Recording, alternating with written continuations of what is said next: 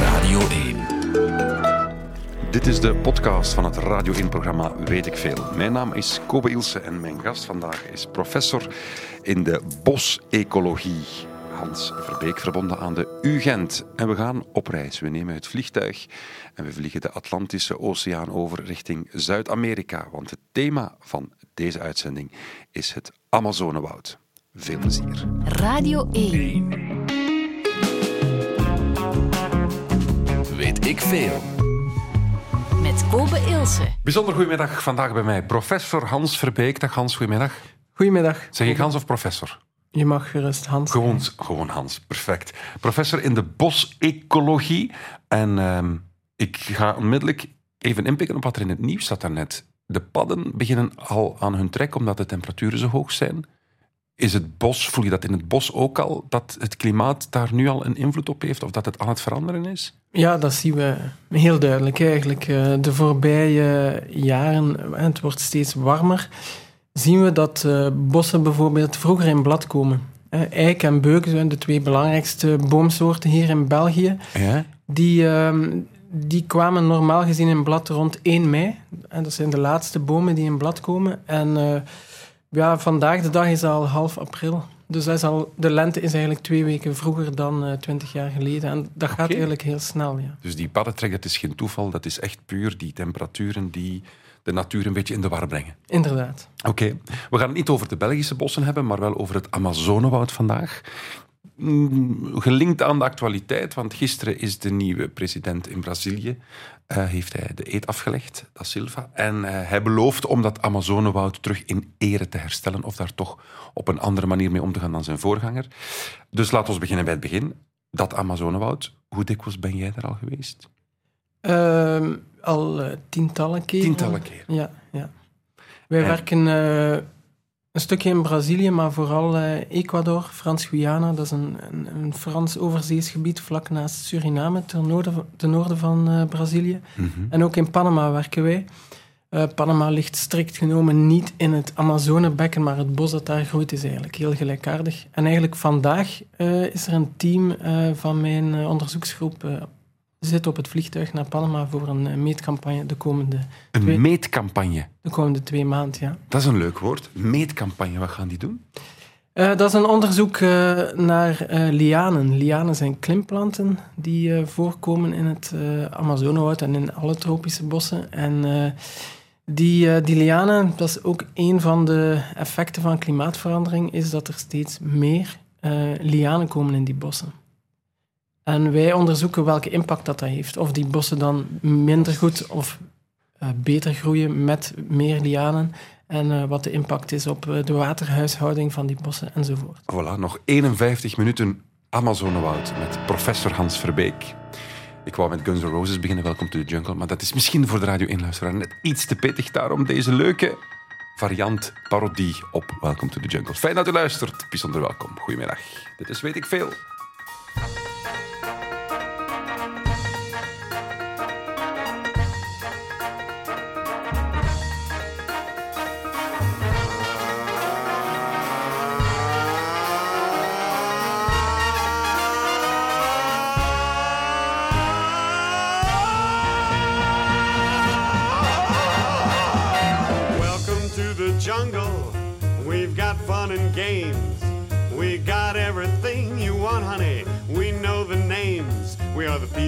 That can find whatever you may need. If you got the money, honey, we got your disease in the jungle. Welcome to the jungle. Watch it bring you to your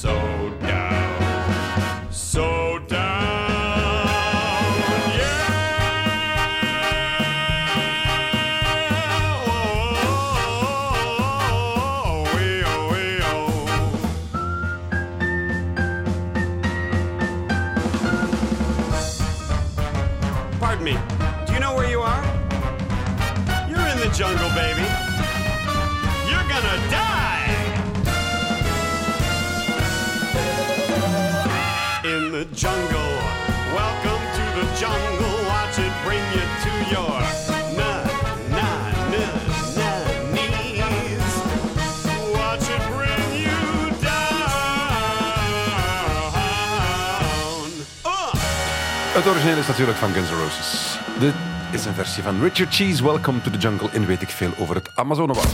Radio 1. Weet ik veel? Weet ik veel vandaag over het Amazonewoud, want daar is veel over te vertellen.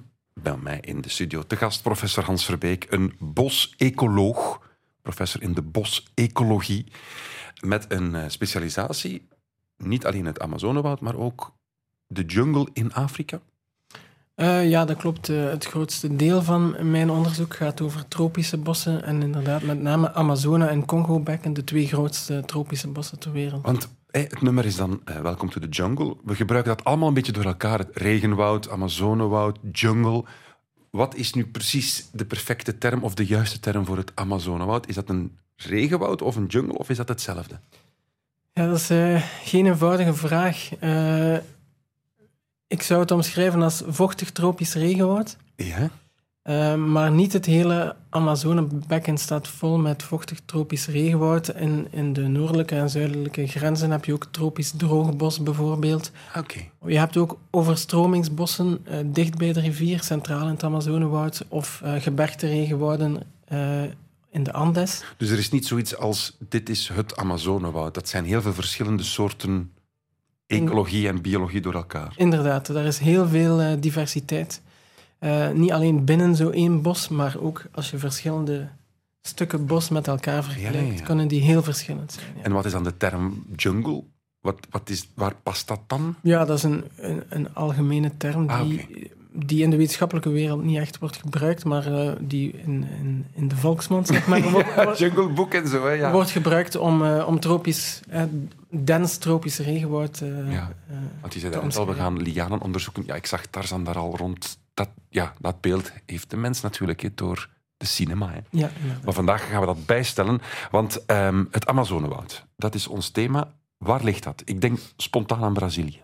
Maar misschien vergis ik mij. Ja, het ligt, uh, het ligt in Zuid-Amerika. Het ligt denk ik voor 60% in Brazilië, maar dus ook nog grote Ah, ja, stukken in de omringende landen. eh, Peru, Ecuador, een heel groot stuk in Colombia. En afhankelijk hoe we het definiëren, het Amazonebekken van de rivier Mhm. of het tropisch Amazone regenwoud. En sommige stukken van dat woud liggen ook nog in andere rivierbekkens, een beetje noordelijker bijvoorbeeld, in Frans-Guyana, eh, Suriname. Um, ja, hebben we daar toch een zeven, acht landen uh, waar het uh, bos zich over uh, verspreidt. En een, dat is een totaal van 7 miljoen uh, vierkante kilometer. Vergelijk het eens met België. Wat moet ik me daarbij voorstellen? Met België is moeilijk, maar ik zou zeggen met Frankrijk. Ja. Uh, tien keer Frankrijk. Wow. Tien keer Frankrijk, of eigenlijk anderhalve keer uh, de oppervlakte van de hele Europese Unie. Is regenwoud, is dat Amazonewoud? Is dat Amazonewoud, ja. Dus dat is een enorm groot... Bijna, ja. ja. En je zegt, die, die rivier, die Amazone, is, is het zoals bij, bij de Nijl, dat, dat het water zorgt voor alle vegetatie? Is, is, is dat... Ja, nee, dat is wel dat... verschillend. In, uh, bij de Nijl heb je een smalle strook vegetatie ja. rond die uh, rivier.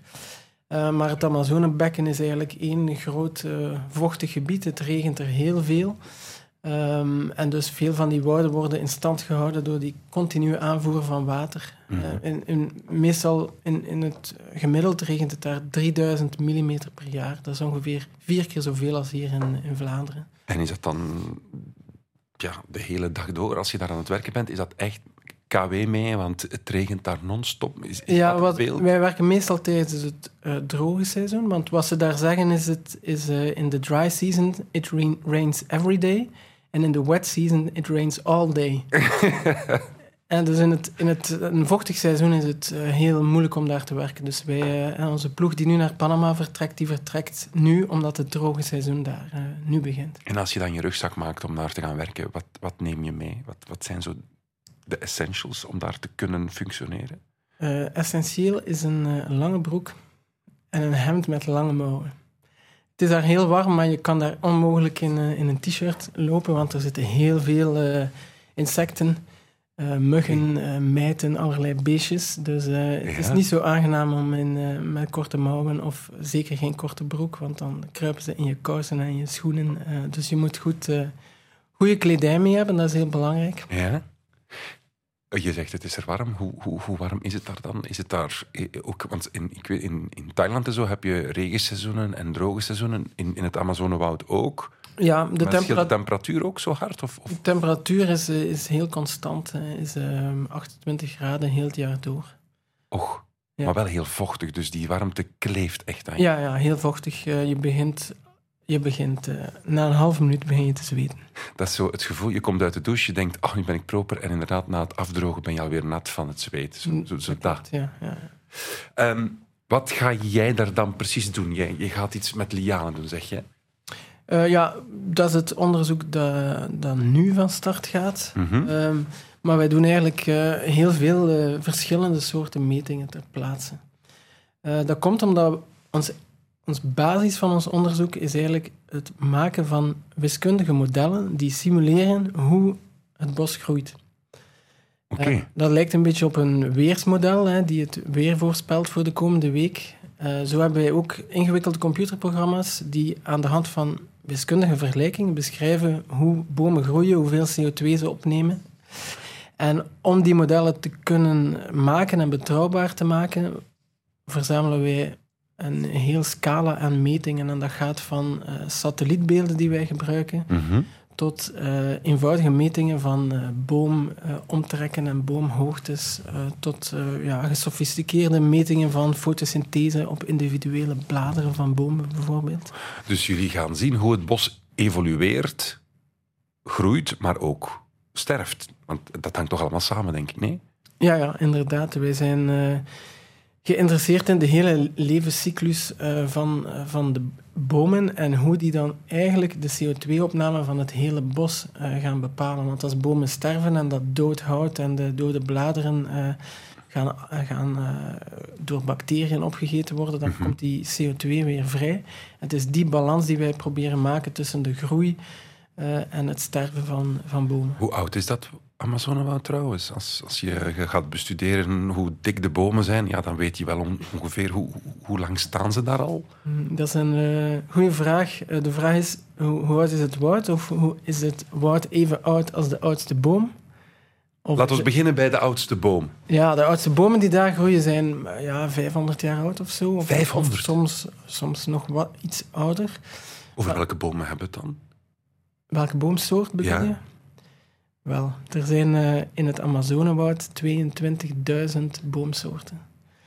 En dat is een groot verschil met, eh, met de gematigde bossen die wij hier kennen. Ja, hoeveel zijn er in België? Zo? Ja, dat zijn er enkele tientallen. En eigenlijk kan je op één hand de belangrijkste bomen, hè, die, die het leeuwendeel van de bossen hier uitmaken, eh opsommen. Hè. Mhm. Beuk, eik en den zijn zo wat de belangrijkste. En in dat Amazonewoud 22.000. Ja, als je daar één hectare bos opmeet, Ja? dat zijn twee voetbalvelden, ja. dan vind je daar makkelijk 100 boomsoorten op eh, die twee voetbalvelden. En als je dan een kilometer verder gaat en je meet weer twee voetbalvelden, dan meet je er weer 100, Maar waarvan, verschillende. waarvan er misschien maar 10 in de beide proefvlakken voorkomen. Ja.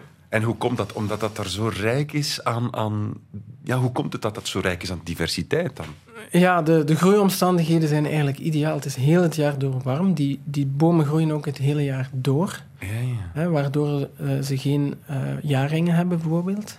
Hè, die groeien het hele jaar door, die bomen. De- ah ja, dus een jaring is... Ja, een jaring zien we in de bossen hier bij ons. Ja? Omdat die bomen eh, elke herfst een groei stilleggen. En dan krijg je een ringvorming. En het volgende jaar eh, groeit er weer eh, een aantal een millimeter bij.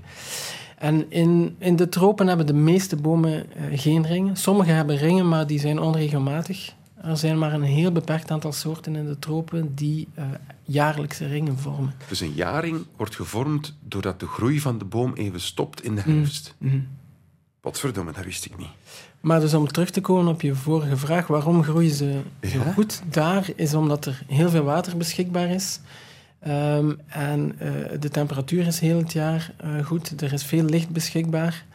Ehm, en eh, er zijn ook voedingsstoffen, nutriënten beschikbaar om een heel productieve vegetatie te hebben. En je zei daarnet 500 jaar oude bomen. Ja. Hoe weet je dat dan als er geen jaringen zijn? Eh, we kunnen wel door eh, koolstofdatering eh, de, de leeftijd van het hout Ah, gaan bepalen. En De koolstof 14-methode kan wel gebruikt worden daarvoor. Ehm, maar het bos zelf is nog veel, veel ouder. Ja, hoe... hoe Want het bos zelf is veel ouder dan de oudste boom. Mhm. Ehm, daar is debat over, maar men schat eh, 55 miljoen jaar. Ehm, de oudste stukken van het Amazonewoud. 55 miljoen. Ja, dat is dus veel ouder dan de oudste oerbossen in Europa. Want hier hebben we een ijstijd gehad, 20.000 jaar geleden. Dus de oudste bossen in Europa, bijvoorbeeld in Polen vind je een aantal Mhm. oerbossen, die zijn maximum 20.000 jaar oud. In de Amazone vinden we veel oudere bossen. Ehm, nu, het Amazonewoud is in het verleden wel niet altijd even groot geweest als het vandaag is. Ja. Bijvoorbeeld gedurende die ijstijd, als er hier geen bossen meer waren, dan is het Amazonewoud en ook de bossen in Congo zijn eigenlijk sterk eh, gekrompen omdat het daar toen te droog werd. eh, tot enkele eilandjes eigenlijk waar het bos nog overleefde. En het is eigenlijk de voorbije 20.000 jaar dat dat eh, woud zich terug verspreid heeft over ja, de helft van het continent. eh, Dus hoe blijkbaar. warmer het wordt, hoe sneller het bos aangroeit. Mag je dat concluderen? Het heeft ook met, met neerslag te maken. Ah ja. Dus tijdens die ijstijd was het ook eh, veel droger en, en waren die gebieden vooral savannes, hè, grasland, savannes met hier en daar een boom, vermoeden we. Ehm, maar bijvoorbeeld ook vlak voor de kolonisatie was er vermoedelijk ook een stukje minder woud dan er nu was. Dat heeft men eigenlijk vrij recent ontdekt eh, door eh, satellietbeelden en eh, vliegtuigwaarnemingen. Eh, vele gebieden waarvan we dachten dit is echt oerbos, werden vermoedelijk door de eh, autochtone bevolking, de originele bewoners van Zuid-Amerika, gebruikt als landbouwgebied. En toen de Spanjaarden en de Portugezen Zuid-Amerika hebben gekoloniseerd, is heel die inheemse samenleving ingestort, zijn die landbouwgebieden verlaten en is daar opnieuw bos gegroeid. Oké. Maar Dus eh, de, het verre verleden van het Amazonewoud, eh, daar, zijn, daar gebeurt nog veel onderzoek over en is ook veel eh, debat over. Maar dus het, het woud is heel oud, maar is niet altijd zo groot geweest als het eh, vandaag is. Geweldig fascinerend. We praten zo dadelijk verder, maar we moeten muziek draaien. En je zei 30% van het Amazonewoud zit in Brazilië, of het merendeel van ja, meer, dat woud. 50 of 60 Of, voilà, zit, of 60 was het, zit in Brazilië. Wat is het meest gestreamde nummer in Brazilië vorig jaar? Boom Boom Tam Tam van MC, ik hoop dat ik het juist zeg, MC Fiotti. Voilà, zeg.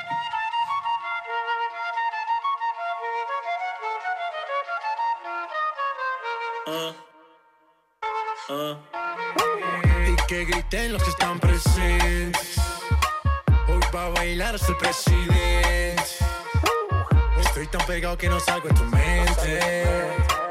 Quieren apagarme, yo no tengo fuente. Pa' bailar no existe pena. Este funky se candela. De aquí nadie va pa' afuera. Esto lo bailan en la favela. Izquierda, derecha, pa' arriba, pa' abajo. Beretes. É a flota envolvente que mexe com a mente. Quem tá presente, as novinhas ali, hein? Fica loucona e se joga pra gente. Eu falei assim pra ela. Eu falei assim pra ela. Vai, vai com o bumbum tam tam. Mueve esse bumbum tam tam. Mueve esse bumbum tam tam tam. Mueve esse bumbum tam tam. Mueve esse bumbum tam tam tam. Mueve esse bumbum. Esse bumbum. Esse bumbum.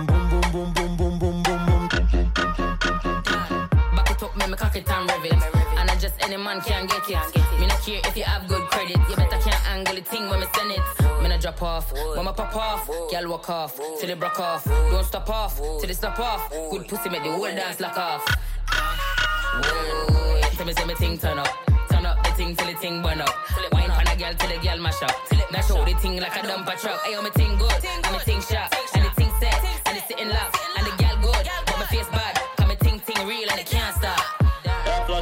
Que mágicamente quem tá presente, as novinhas ali, hein?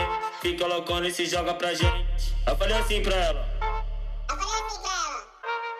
Vai, vai com o bumbum tam tam. Vem com o bumbum tam tam tam. Vai, mexe o bumbum tam tam. Vem, desce o bumbum tam tam tam. Vai, mexe o bumbum tam tam. Vem, desce o bumbum. Vai com o bumbum. Rompiendo. I know the thing that.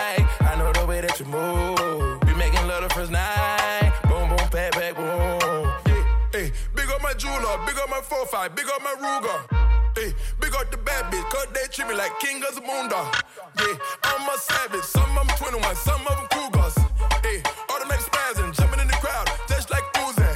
Yeah, Black Stallion, I'ma go flex and fly out to Cuba. Yeah, if you got good pussy, let me hear you say hallelujah. Yeah.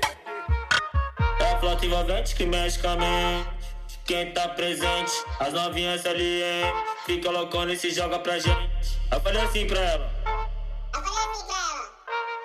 Vai tremer o bumbum, tam tam tam tam tam tam tam.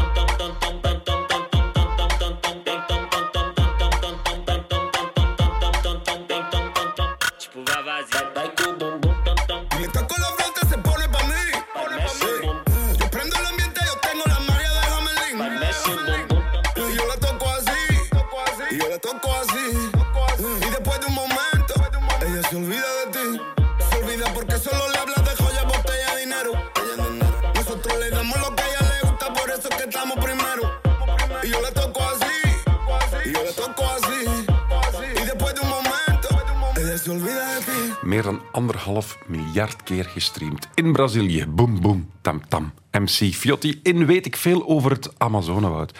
En eh, 60% van dat Amazonewoud ligt in Brazilië, hebben we al geleerd van professor Hans Verbeek, professor bosecologie. Want we praten vandaag over dus dat Amazonewoud, het regenwoud, de jungle. Maar de jungle is niet wetenschappelijk, heb ik ook al geleerd, Hans. Anderhalf keer Europa, zeg. Zo groot is dat daar. Ja, anderhalf keer de Europese Unie. Europese Unie. Ja. Dan pas begin je, want je kan dan zeggen zoveel duizend voetbalvelden Mm. en zoveel keer Frankrijk, maar vooral als je het op die manier uitdrukt, denk je van, Jesus. We weten waar het ligt, we weten hoe groot het is en dan gaan we er even naartoe. Hè. Voilà. Het regent daar veel, hebben we al geleerd. Hoeveel, hoeveel was dat toen? 300? 3000 eh, milli- millimeter per jaar. Ja, dat is eh, vier keer zoveel als hier in... eh, Gigantisch. ja. En je zegt lange broek en lange mouwen, want het zit daar vol met rare dingen. inderdaad. Geef eens een voorbeeld van eh, Ja, flora. eh, flora of fauna? Van de, van de dieren die daar leven? Ja. Of van eh, de diertjes die daar met leven? de, met de soort smeerlappen, zo, de, de vieze beesten. Ja, waar wij veel last van hebben, bijvoorbeeld in Panama, waar ons team nu naar onderweg is, zijn, het zijn eigenlijk mijten. Ze- lokaal noemen ze dat jiggers. Dat zijn hele kleine beestjes. En eh, ja, in, in die bossen waar wij daar werken, kan je dus niet je rugzak even op de grond zetten of die zitten vol. eh, met van die eh, kriebelende beestjes. Die doen eigenlijk niks fout, maar het jeukt ongelooflijk. En, wat moet ik... Zie, zie je ze? Nee, je ziet ze niet. Ah, je ziet ze niet. Nee, nee. En je, je moet eigenlijk s'avonds eh je kleren onmiddellijk wassen en uitspoelen als je die de volgende dag terug wil aandoen, want die, die, die beestjes blijven erin zitten. Dus je ziet ze niet, maar je voelt ze bijten en het, Ja, het ja, jeukt zo. Ja, zo'n beetje als jeukpoeder of zoiets eh, voelt het. eh, ja. Ja. En zo qua, qua slangen en spinnen en... en, en, ja, dat zit er allemaal. Hè. Eh, slangen en spinnen en allerlei dieren. Maar de meeste hoef je eigenlijk niet bang van te zijn, want die, eh, zelfs de gevaarlijke slangen die zijn meestal weg als ze jou horen aankomen. Dus je komt die eigenlijk heel weinig tegen. Wat is zo voor jou qua confrontaties met het, de dieren daar de meest opvallende gebeurtenis al geweest? Of, of een moment dat je niet snel zal vergeten? Ja, als je zo'n slang ziet, dan, eh, dan eh, gaan al je zintuigen wel even eh, op scherp staan eigenlijk. Beschrijf de situatie eens. Wat was, hem- was, wat wat was Ja, dat was in, in mijn geval was dat s'avonds voor we, voor we gingen slapen. Dat was in Frans-Guyana. Eh, dat is onder van die afdakjes in een eh, fieldside. eh, slapen in een hangmat. En dan zat er onder, onder ons afdakje een, een slang. Ik ben daar zelf niet zo'n held in, maar, maar mijn collega die, heeft eerst een paar foto's van de slang genomen. Die ging er echt bijna naast liggen. En dan heeft hij de slang voorzichtig weggejaagd. Ehm, maar ik zit zelf ook nooit maanden in de, in de jungle. Sommige van mijn medewerkers wel. Ja. Dus die komen wel, wel meer eh, van dat soort eh, dingen tegen. Eh, ik heb een medewerker die oog in oog heeft gestaan met een gorilla in, in het oosten van Congo. terwijl hij bomen aan het meten was. Wauw. Ja, dus het is, er komt wel wat avontuur bij kijken. Maar op zich is dat helemaal niet elke dag als je daar werkt. Hoort het aan het geluid. We, z- we zijn er nu even. Hè. Mhm. Wat ja, je staat op. Ik, ik neem aan dat je logeert in het woud, ja, want je kan moeilijk pendelen. Hè, dat is zo gigantisch groot. Op de plek waar je onderzoek doet, verblijf je ook. Ja, dat hangt een beetje van de situatie af. Eh, soms ver- verblijven we in een dorp of een naburige stad en, en pendelen we naar Mhm. het bos. Maar in sommige eh field sites waar wij werken eh, zijn heel afgelegen. Bijvoorbeeld in, in Frans-Guyana hebben we een veldcampagne gedaan in een eh, heel afgelegen reservaat. Eh, daar kan je alleen ofwel met de helikopter of met de boot op een klein riviertje eh, vier uur varen. Heerlijk. vier uur varen van het laatste dorp. Dus dat is echt de hele tijd door het woud. En daar is een field site van, van de Fransen. Frans Onderzoeksinstituut. En dat, dat zijn eigenlijk een paar, dus heel primitief, een paar afdakjes, maar ze hebben wel zonnepanelen en wifi. Ehm, en eh, een paar diepvriezers, want eh, al het eten wordt daar ingevroren Ah ja, eigenlijk, om, eh, om eh, ja, een aantal dagen voor te kunnen. En wat is de wifi-code van... eh, Ai, geen idee. Nee. Ik denk niet dat het met een code is. Nee. Je doet daar je ogen open s ochtends. Wat, wat, wat zie je dan? Is dat heel dicht begroeid? Als je daar wilt, wilt doorgaan, moet je dan echt, zoals het cliché wil, met de machette, er, er- je- Ja. jezelf een weg daardoor hakken? Ja, wij werken vaak op plekken waar eh meetsites of meetplots zijn aangelegd. aangelegd zijn en waar heel veel metingen gebeuren elk jaar opnieuw. eh, Ja, ja. bomen meten bijvoorbeeld. Dus daar zijn wel wat toegangspaadjes ehm, aangeduid, maar ja, dat bos is heel dens. Eh, het grootste gevaar in zo'n bos zijn ook helemaal niet de dieren, maar is eh, verdwaald geraken. Dus wij, wij gaan ook altijd, we gaan nooit alleen, altijd minstens met twee personen. We hebben ook altijd een kompas bij. Want als je daar 10 meter, en ik overdrijf niet, eh 10 meter van een pad weggaat en je, je draait eenmaal rond, dan weet je dus niet meer Meen waar je bent, omdat het zodanig eh, dens is en alles lijkt op elkaar. Je hebt eigenlijk heel weinig eh, referentiepunten. Dus eh, verdwaald raken is eigenlijk eh, het grootste, grootste gevaar daar. Ooit, ben je ooit verdwaald Nee, ik zelf Of- niet. of Gelukkig niet. Ken je maar- mensen of collega's die, die, die effectief de weg... Ja. Maar ik, ik zelf eh, eh, heb dat nog nooit meegemaakt. Maar soms als wij eh, met, met lokale mensen daar lopen die ons de weg tonen, dan zijn wij soms ook even de weg kwijt. Dat duurt dan niet langer dan een kwartiertje of twintig minuten. Maar zelf die mensen die daar heel vaak komen, verliezen soms de weg omdat het zodanig dens is. En, eh, en, je, en er is een omgevallen boom, dus het ziet er iets anders uit dan eh, twee weken geleden. En dan, en dan mis, je, mis je de weg. Ja, Je hebt daarnet gezegd dat jullie onderzoek doen naar lianen. Hè? Ja dat klopt. Het, het- ja, ik zeg het, ik klink dat onmiddellijk aan Tarzan. Een liaan is voor mij iets dat van boven naar beneden Ja. groeit. Klopt dat? Nee, dat klopt niet. Oké. oké. Er zijn, er zijn planten die van boven naar beneden groeien. Dat noemen we epifieten. Die, eh, die zaadjes ontkiemen ergens boven eh, in de kruin en die laten dan hun wortels zakken naar beneden. Oké. Het ziet er ook wat uit als hetgeen jij je waarschijnlijk voorstelt bij lianen. Maar lianen eh, zijn houtige klimplanten die eh, ontkiemen in de grond. Dus die hebben altijd de wortels in de grond. En dan langs de bomen omhoog groeien. Een beetje zoals klimop bij ons. Hè. Klimop bij ons is een lianensoort. Ah, klimop is een lianensoort. Ja, ja, het is een houtige klimplant. Alleen in tropische bossen, opnieuw, hebben we honderden soorten lianen. Want Klimop is een smeerlapperij. en eh, Dat is eerlijk. Dat zit vol met beestjes en je moet dat elke keer snoeien. Boah, verschrikkelijk. Ja, ehm, het, heeft ook, eh, het heeft ook zijn functie waarschijnlijk. Maar eh, in, in tropische bossen eh, komen dus honderden soorten voor. En die, in vergelijking met de klimop bij ons zijn die lianen veel dominanter. Die groeien echt tot in de top van de bomen. Die maken een, een, een kruinlaag boven de kruinen van de bomen. Och, en dus die gaan enorm in competitie met die bomen. Dus die remmen de groei van het woud af. En dus ja, vertel, hoe, hoe, hoog, wat, hoe hoog kunnen die gaan? Of die, die Ja, blijven tot- gaan tot zover tot in de hoogste bomen. En die zijn daar makkelijk 40, 45 meter hoog. Ja, Hoe krijgen die hun water tot boven? Het moet toch een ongelooflijk systeem zijn. en ja inderdaad. Dat is, eh, dat is de beperkende factor voor eh, de hoogtegroei van bomen. eh, is het water Ja. zo hoog krijgen. Hè. Ja. Maar die lianen slagen daarin om zelfs 40, 50 meter Ja, hoog. en die lianen zijn dan vaak ook nog veel langer, want die groeien niet recht naar boven. Eh, de langste liaan eh, waarover ik gelezen heb in de wetenschappelijke literatuur is één kilometer lang. Nee. Dus die, die maakt verschillende omwegen en dan bereikt die de, voor die de top eh, van, van de kruin. En die halen hun water enkel uit de wortels? Of gaan die ook aftakkingen maken en, en van de boom stelen? Nee, lianen zijn wat we noemen structurele parasieten. Dus die nemen geen water of voedingsstoffen uit de bomen. Dus die halen alles uit de grond, net zoals de bomen. Maar ze, ze hebben het voordeel dat ze geen dikke stam moeten bouwen Ja, ja. om eh, hoog eh, te geraken met hun bladeren. En daarom gaan ze in, in zeer sterke competitie met, eh, met die bomen. Mhm. En ons onderzoek heeft uitgewezen dat bossen met veel lianen daardoor meer mortaliteit hebben van bomen. Dus de bomen sterven sneller en de bomen groeien trager.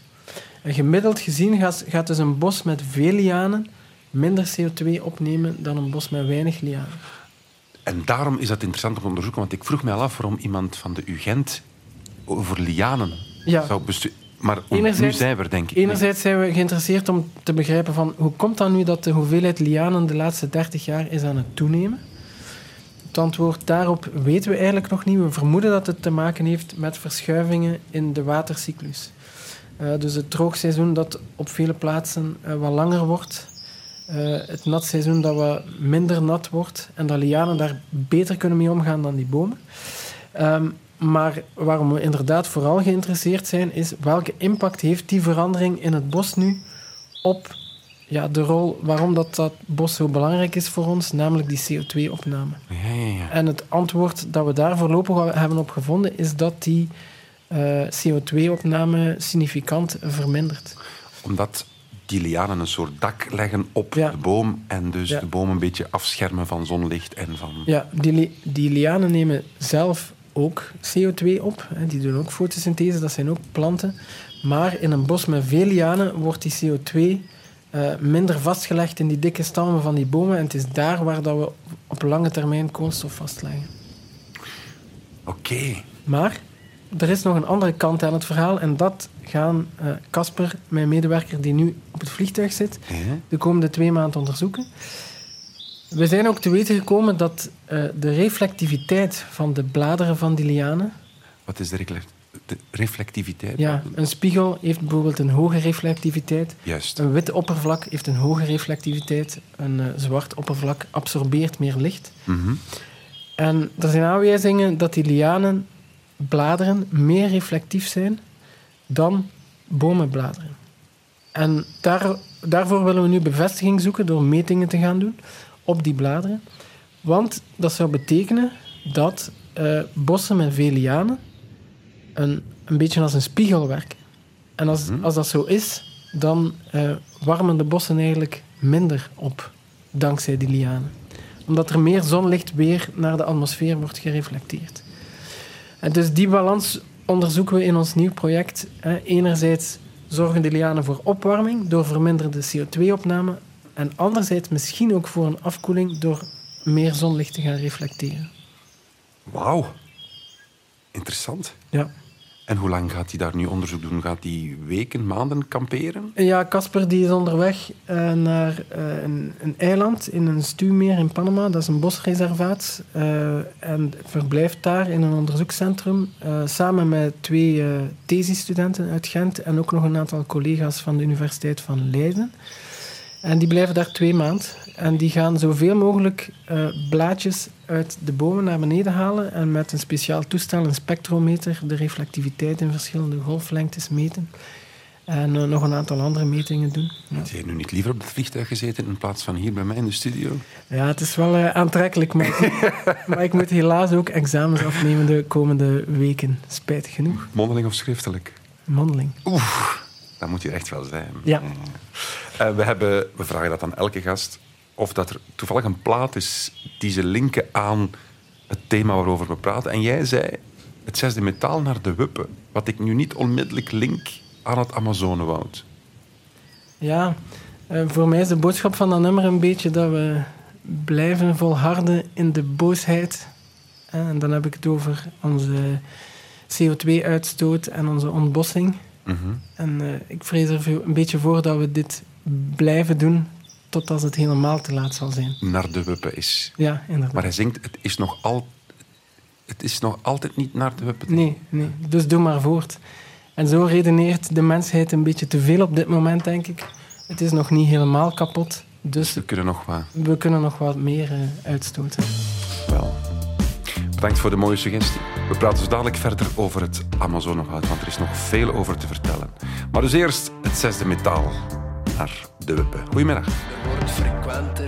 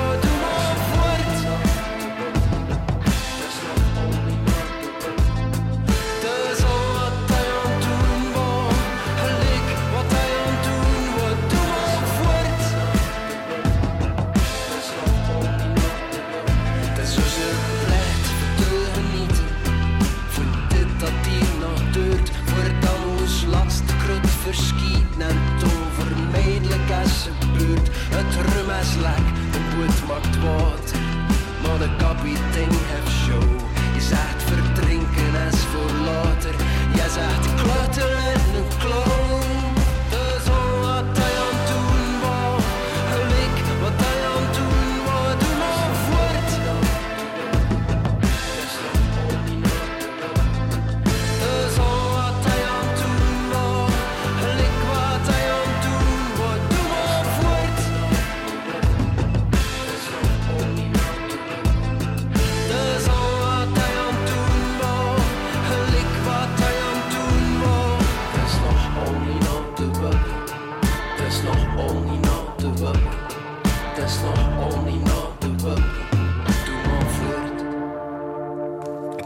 al niet naar de wippen. Het Amazonewoud ook nog altijd niet. En godzijdank, dat leren we vandaag in Weet ik Veel. Weet ik veel? Weet ik veel vandaag over het Amazonewoud. Hier bij mij in de studio Hans Verbeek, professor bosecologie verbonden aan de UGent en zelf al tientallen keren in het Amazonewoud geweest. Zijn collega's zitten as we speak op het vliegtuig richting Panama. Wat ik niet wist, dat in Panama toch ook een stuk regenwoud is. Dat hebben we ook al geleerd, dat het over een land of zeven, acht zich helemaal uitstrekt. Anderhalve keer de Europese Unie. Maar, beste professor, dan hoor je van die waanzinnige cijfers dat daar elke seconde of elk uur een voetbalveld wordt gekapt. Wat, wat is daar nu precies van aan? Want als je die cijfers gelooft, dan denk je, ja, er staat amper nog een boom recht. Ja, dus eh, er staat nog heel veel eh, recht eigenlijk. Ja. Eh, op dit moment schatten we dat er ongeveer een kleine 20% van het woud is eh, verloren gegaan in de voorbije eeuw, laten we zeggen. 20 procent. Ja. En eh, die ontbossing die varieert een beetje eh, in, in snelheid, afhankelijk van de wereldeconomie, eh, de vraag naar landbouwproducten enzovoort. Eh, maar die varieert ook afhankelijk van het beleid dat men voert in, in die landen qua bosbescherming en, eh, Mhm. en, en in welke mate men dat beleid ook probeert te handhaven. Vorig, eh, gisteren de eetaflegging van de nieuwe president, die dan belooft om, dat, om, om zorg te dragen voor het, het regenwoud. Dus dat is een goede zaak. Of aan de andere kant zeg je, ja, het bos wordt gekapt voor landbouw. Ja, wij vragen waarschijnlijk ook die landbouwproducten, vragen wij ook of hebben wij of de mensen daar wel nodig? Ja, maar twee zaken. Misschien eerst de nieuwe president. Eh, die heeft in het verleden wel bewezen dat hij het kan. Eh, toen hij, hij is aan de macht geweest tussen 2003 en 2010. En in die periode heeft hij de ontbossing van het woud teruggebracht eh, van een 28.000 vierkante kilometer per jaar. Dus dat is bijna de oppervlakte van België per jaar. En toen was de ontbossing het hoogst eh, dat het ooit geweest is. En hij heeft dat in die acht jaar tijd teruggebracht naar een 5000 eh, vierkante kilometer per jaar. Dus dat is dan één Belgische provincie per jaar ongeveer, een grote provincie. Oké. Nog altijd veel, hè? Nog altijd veel, ja. Ehm, en dan nu de laatste eh, president de voorbije eh, vier jaar, Bolsonaro, die heeft eigenlijk eh, alle regelgeving een beetje losgelaten, ook minder gehandhaafd. En eh, die ontbossing is terug beginnen stijgen. En we zitten nu ongeveer eh, op een 13.000 eh, vierkante kilometer per jaar. Dus dat zijn twee, twee à drie Belgische provincies per jaar die tegen de vlakte gaan of afgebrand worden. Om wat, om wat dan te doen daarmee? Echt gewoon landbouw.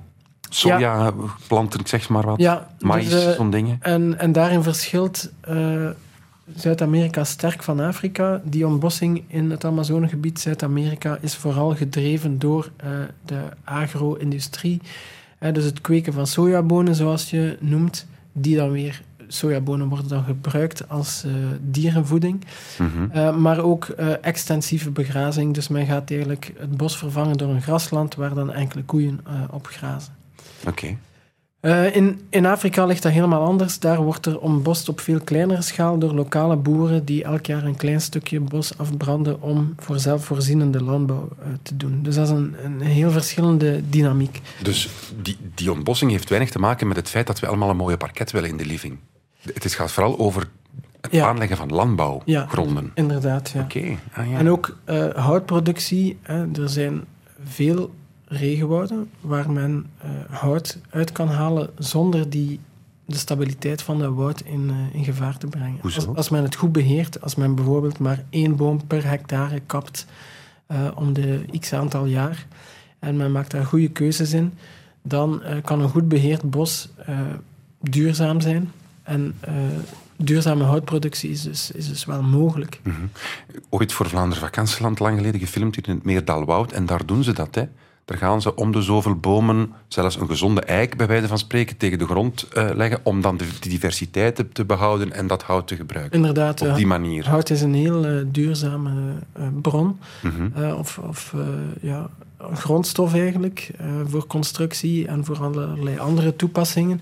Maar het bos moet wel goed beheerd worden. Het mag geen kaalkap zijn. en, ja, En je zei daarnet, ze gaan het plat branden?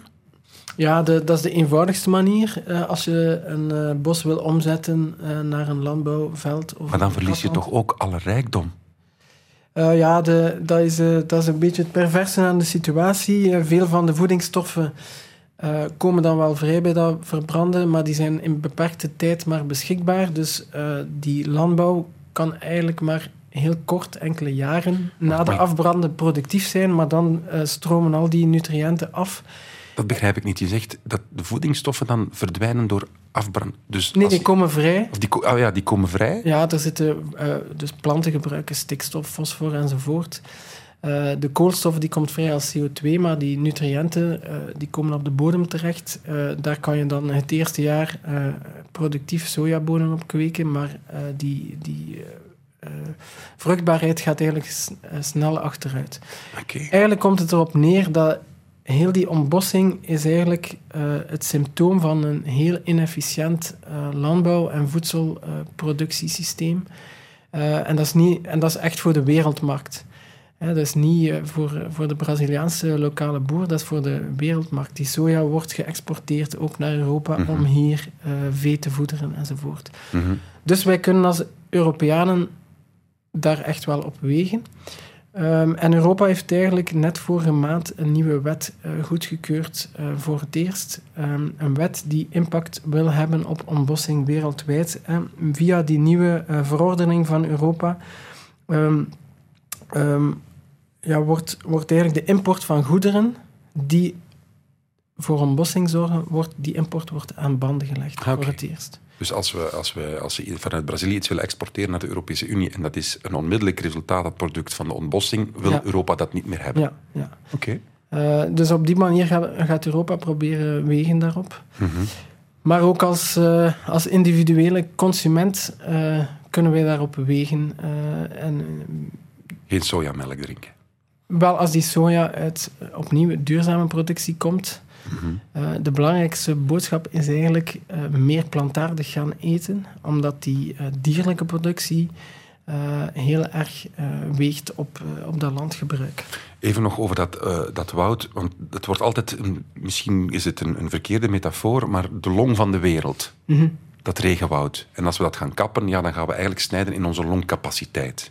Ja, Wat bedoelen ze daar dan precies mee, de long van de wereld? ja de, ik- dat is eigenlijk een beetje een vreemde uitdrukking, omdat het eigenlijk is het een omgekeerde long. Ah, oké. Ja, want onze longen eh, die ademen zuurstof in en CO2 uit. Ja, En het woud doet eigenlijk net het omgekeerde. Netto, voorlopig nog. dus het woud ademt CO2 in Ja, en... zuurstof uit. Ah, oké. Ja. Eh, maar het belangrijkste is eigenlijk dat dat woud CO2, netto CO2 opneemt. Want dat woud bestaat uit levende planten. Die doen aan fotosynthese. Dat is het proces in de bladeren dat CO2 opneemt en die zuurstof weer vrijgeeft. Maar die planten zijn levende organismen zoals u en ik. Mhm. Dus die doen ook aan ademhaling. En dus die stoten ook CO2 uit. En, maar het is de balans is net positief. Hè, dus die nemen netto een beetje meer CO2 op dan ze uitstoten. Ja, ja, ja. En dus die eh, CO2 wordt als koolstof vastgelegd in de biomassa. Hè, dus die stammen en die takken, alle koolstof, die zijn voor 50% uit koolstof eh, gemaakt. Die koolstof komt niet uit de bodem, die komt uit de lucht. En dus je moet dat woud zien als eigenlijk een gigantisch reservoir van koolstof die gelukkig in bomen vastzit en niet in de lucht hangt, want in de lucht zorgt die voor opwarming van de aarde. Als een soort batterij bij elektriciteit is Ja. het bos een soort opslagplaats van... Ja. Maar die verliest constant, hè, verliest constant wat CO2 en neemt constant CO2 op. En het is die balans die wij proberen eh, in te schatten. Helaas hebben we gezien voor het Amazonewoud dat die eh, jaarlijkse opname aan het afnemen is. Door de klimaatverandering. En is het dan de moeite om te gaan bijplanten of duurt dat honderden jaren vooraleer we terug op dat niveau zitten? Of is elke boom die geplant wordt toch een beetje hulp? Elke plant, elke boom die we planten, eh, heeft zijn nut. Ja? want die groeit. Maar eh, mijn boodschap is altijd: we moeten eigenlijk wel eerst onze uitstoot eh, verminderen. Want ehm, die uitstoot wereldwijd is momenteel eh 10 gigaton per jaar koolstof. Dat is 10 miljard ton. eh, koolstof stoten wij uit door het verbranden van steenkool, eh, petroleum enzovoort. Eh, en die bossen wereldwijd, dat is niet alleen het Amazonewoud, nemen daar een derde terug van op. Toch een, toch Toch een derde? Een derde. Is- Maar twee derde blijft in de lucht Ja, ja. En we stoten elk jaar meer uit. Dus we gaan ons probleem niet oplossen door bomen te planten. Eh, we moeten effectief stoppen met fossiele brandstoffen eh, Maar als te we dus gebruiken. ons, ons, ons eh, verbranden van, van fossiele brandstoffen met twee derde verminderen, dan hebben we een soort... Mm, dan zijn we er nog niet. Ah, oké. Toen, dacht dat het zo simpel was. Maar waarom we wel bomen moeten planten vandaag, is om onze restuitstoot van over 20 jaar te compenseren. Want we gaan nooit het helemaal op nul krijgen. We gaan altijd wel een of ander industrieel proces nog hebben dat nog een beetje CO2 uitstoot. En om, we moeten van 100 naar 0 gaan om die laatste 5%, hè, de laatste kilometer van onze marathon die we moeten lopen de komende 20 jaar, om die eindmeet wat dichter te leggen, daarom moeten we nu bomen planten. Oké. Mooie boodschap.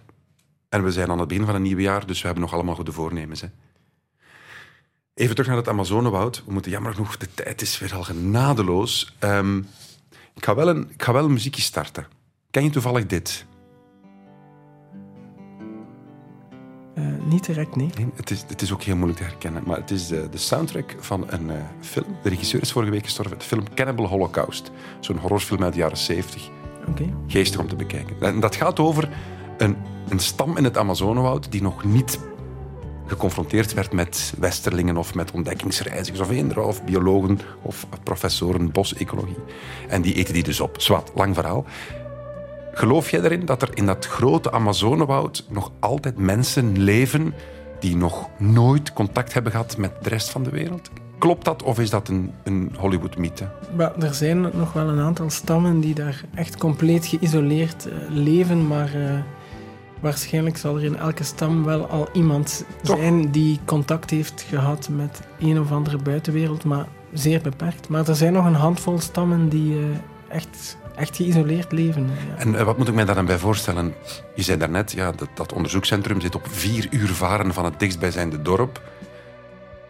Die, die mensen die niet in contact komen met, met, met jullie, waar wonen die dan echt duizend kilometers van enige beschaving? Is het- Ja, soms, soms wel, maar soms is dat ook maar eh 100 kilometer. eh, maar maar ja, leven die van het woud, die leven echt in en van het woud. En dus die hebben heel weinig eh, contacten. Eh, zelfs al is er op 100 of 200 kilometer nog wel een ander Mhm. dorpje.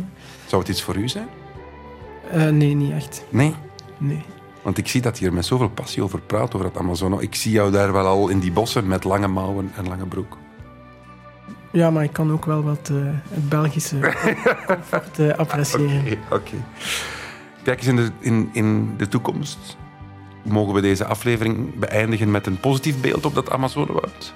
Wel, het goede is dat de nieuwe president, die ook geen onbesproken figuur is, maar dat die toch in ieder geval eh, eh, grote ambities heeft met dat woud. En dat hij ook eh, een coalitie heeft gesmeed samen met de twee andere grote regenwoudnaties, zijn de Congo en Indonesië. Om eigenlijk samen te, te strijden voor het behoud van, van dat woud. Dus dat is toch wel een, een positiever vooruitzicht dan, dan de situatie een jaar geleden. Perfect. En we hebben er misschien met deze aflevering van Weet ik Veel een beetje aan bijgedragen. Dat het heel fragiel is daar allemaal, die regenwouden. En laat ons die maar koesteren, nu ze er nog zijn. Professor Hans Verbeek, zeer bedankt. Graag gedaan. Bedankt voor uw wijsheid. En morgen gaat het, Weet ik Veel, weer over iets heel anders. Tot dan. Radio 1. Weet ik veel? Dit is het einde van deze podcast van Weet ik Veel. Weet ik Veel is trouwens een programma van Radio 1. Op radio1.be vindt u nog veel meer.